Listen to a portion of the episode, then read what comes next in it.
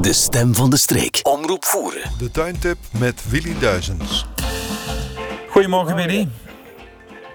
Ja, ik hoor het, hè. Dus eh temperaturen tot eh, boven 30 graden. Ja.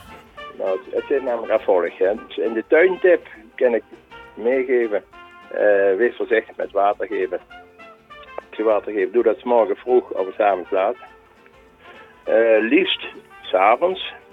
Want dan eh, de hele nacht, de hele nacht kan het eh, een beetje vochtig blijven. S'morgens water geeft en om 8 uur eh, gaat de temperatuur omhoog en dan eh, verdampt weer alles.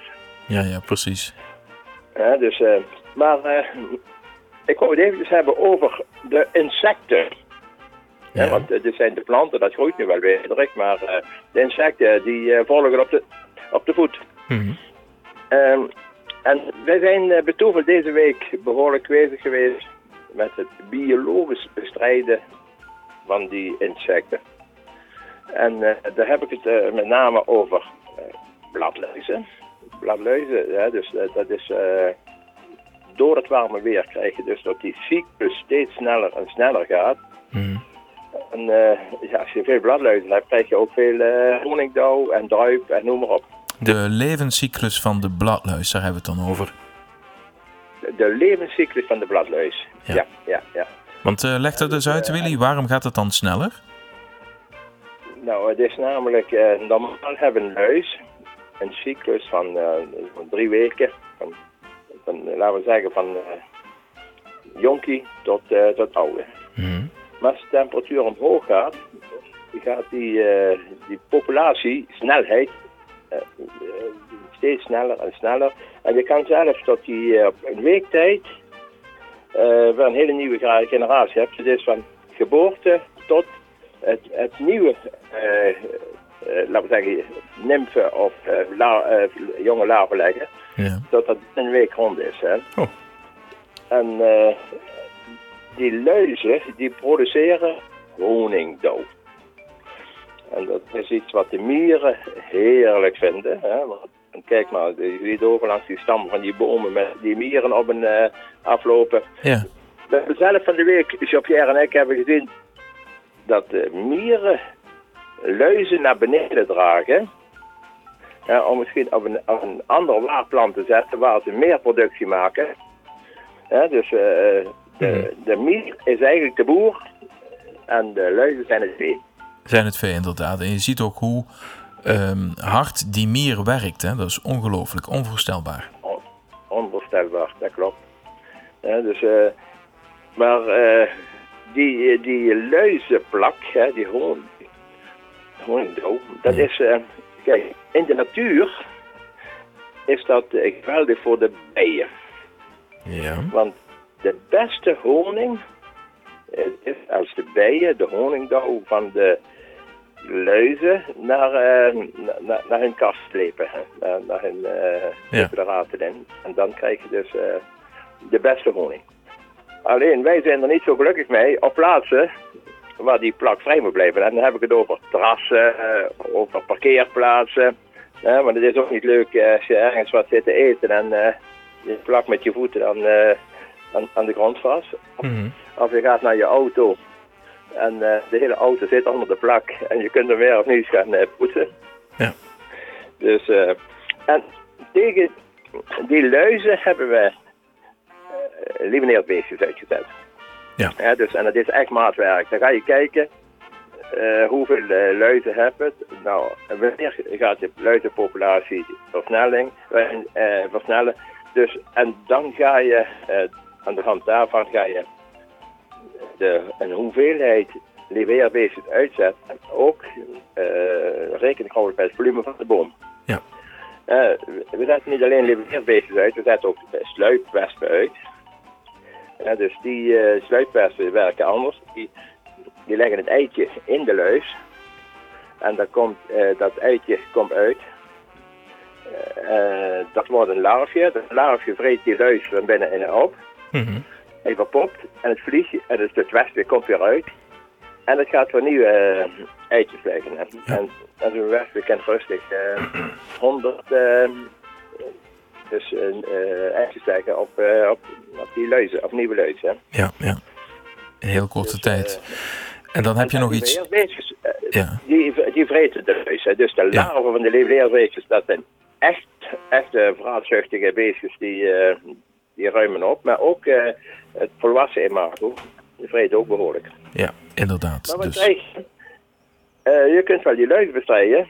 En eh, we hebben het hier eh, over meerdere soorten bomen. Ook carpines, niet alleen eh lenden. Hè. Dus eh, eiken hebben we wat, eh, wat vlak voor ons aan. En die, heb, die hebben dan daarna ook weer last. Omdat door dat warme weer van spint. ja, Een spint is een, eh, is een achtpotige, hè? Dus een, eh, dat is eh, geen insect. Dat- Nee. Dat is een spinachtige. En eh, daar helpen dus eh, al die insectenbestrijders niet tegen. En daar hebben we weer roofmijten. En die roofmijten die hebben we van de week uitgezet. En die kun je dus niet gewoon eh, ergens a- aanbrengen. Zoals een, een, eh, laten we zeggen, een, een, eh, een sluitvlieg, die, eh, of een slui- een sluitpres, die, gaat, die, eh, die vliegt naar boven.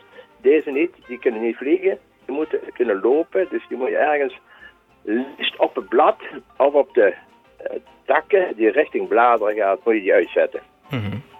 Ja, dus eh, waar het niet mogelijk is, hebben we het in potjes uitgezet, maar het liefst strooien. Dat doen ze ook in de fruitteelt. Hè? En in de, ja, en in de hele, in de hele agrarische teelt gebruiken ze dus eh soorten roof, eh, roofmijten om eh spint en andere mijten te bestrijden. Het gaat niet alleen om eh, de spint, maar je hebt ook nog eh goudmijten en noem maar op. ja, ja, heel divers dat is, dus. eh, Ja. Willy, ik had eh, nog wat- even een andere vraag. Want eh, die, die, ik heb vanochtend nog iemand aan de lijn gehad. Die zat ook weer met dat probleem. We zien nu wel doordat het weer. eh, het, is, het, is, het is warm en eh, toch ook wel een behoorlijke luchtvochtigheid. Zeker volgende week. En dan krijg je hier en daar last van, van schimmels. Van meeldauw bijvoorbeeld. ja, ja. Ehm, hoe ga je daarmee om? Nou, meeldauw, wil je die echt biologisch bestrijden, moet je dat met melk doen. Oké. Ja, dus eh, melk is een heel goed middel. Hij wordt ook in de agrarische sector toegepast, zeker in de tuinbouw. Ik gebruik eh, ja, 1 liter op 5 liter water. Heb je een zware infectiedruk, ga je, ga je naar 1 liter op eh, 3 liter water.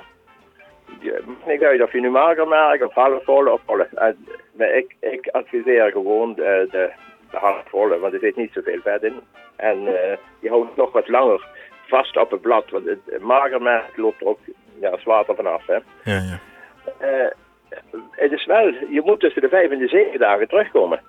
Ja, ja. Hè, want dan eh, moet je weer een laagje melk overheen leggen. ja. Maar het werkt heel goed tegen, tegen meeldauw. Maar En is ook het- Tegen valse meeldauw. Is het dan preventief of is het ook echt een bestrijding? Nou, nou eh, laten we zeggen, je moet preventief. Preventief, juist. Een beschermlaag. Kijk, eh, ja, het beschermlaag. Het is natuurlijk net als eh, zwavel en noem maar op. Hè. Mhm. Eh, als je aantasting hebt op een blad Ja. en je spuit erop, dan gaat de uitbreiding wordt tegengehouden. Ja, ja. Hè, dus, eh, eh, want anders loop je hele blad onder en gaat dat mee vormen en noem maar op. ja. Maar Dus, eh, dus, het aangetast blad, dat... eh, het doodt niet. nee. Nee. Want eh, Hè, dus, eh, bijvoorbeeld de spierstruik, daar kun je nu wel enigszins wat meeldauw in Ja. zien. ja, ja, dus hier start. Maar, je, maar kijk eh, ook maar op je mahonia, mahonia aquifolia. Ja. Die zit er ook hartstikke onder. Ja. En kijk maar binnenkort ook de, de, de eiken. Ja. Eh, Want eh, daar kom je ook heel snel op. Hè. En de rood, niet te vergeten. De rozen, inderdaad. En als je die meeldauw hebt, is dat dan echt een probleem? Ja, je moet het natuurlijk ook niet uit de hand laten lopen. Maar een paar vlekjes. Eh, dus, eh, kijk, je moet, je moet het, eh, zoals gezegd, je moet het niet uit de hand laten lopen. hè. Je, eh, je houdt het preventief eh, een beetje bij. En Je hebt bepaalde planten, dan krijg je hele misvormde bladeren tot, tot, tot misvormde knoppen toe. Ja. Maar meestal beperkt zich dat gewoon een wit laagje op het blad. Ja, oké. Goed, dat is duidelijk. Dan had ik nog een eh, onderwerp dat ik even wil belichten. Namelijk de pollen. Want eh, eh, Luc zit hier en die is, heeft gelukkig heeft hij medicatie ervoor.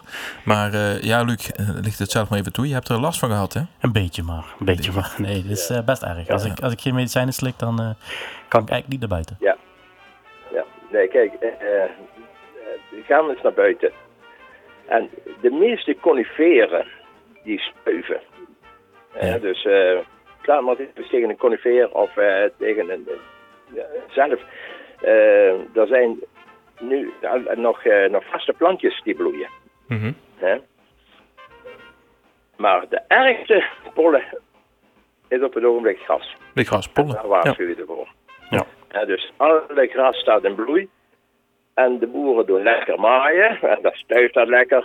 En eh, de wind, eh, die bries, dat briesje komt er rustig door. En de wegbermen worden gemaaid. En, eh, en Luc maar niezen. Ja, Ja. precies. Ja. En je hebt geen regen, hè? Want als het af en toe regent, Oh, dan... eh, dan ja.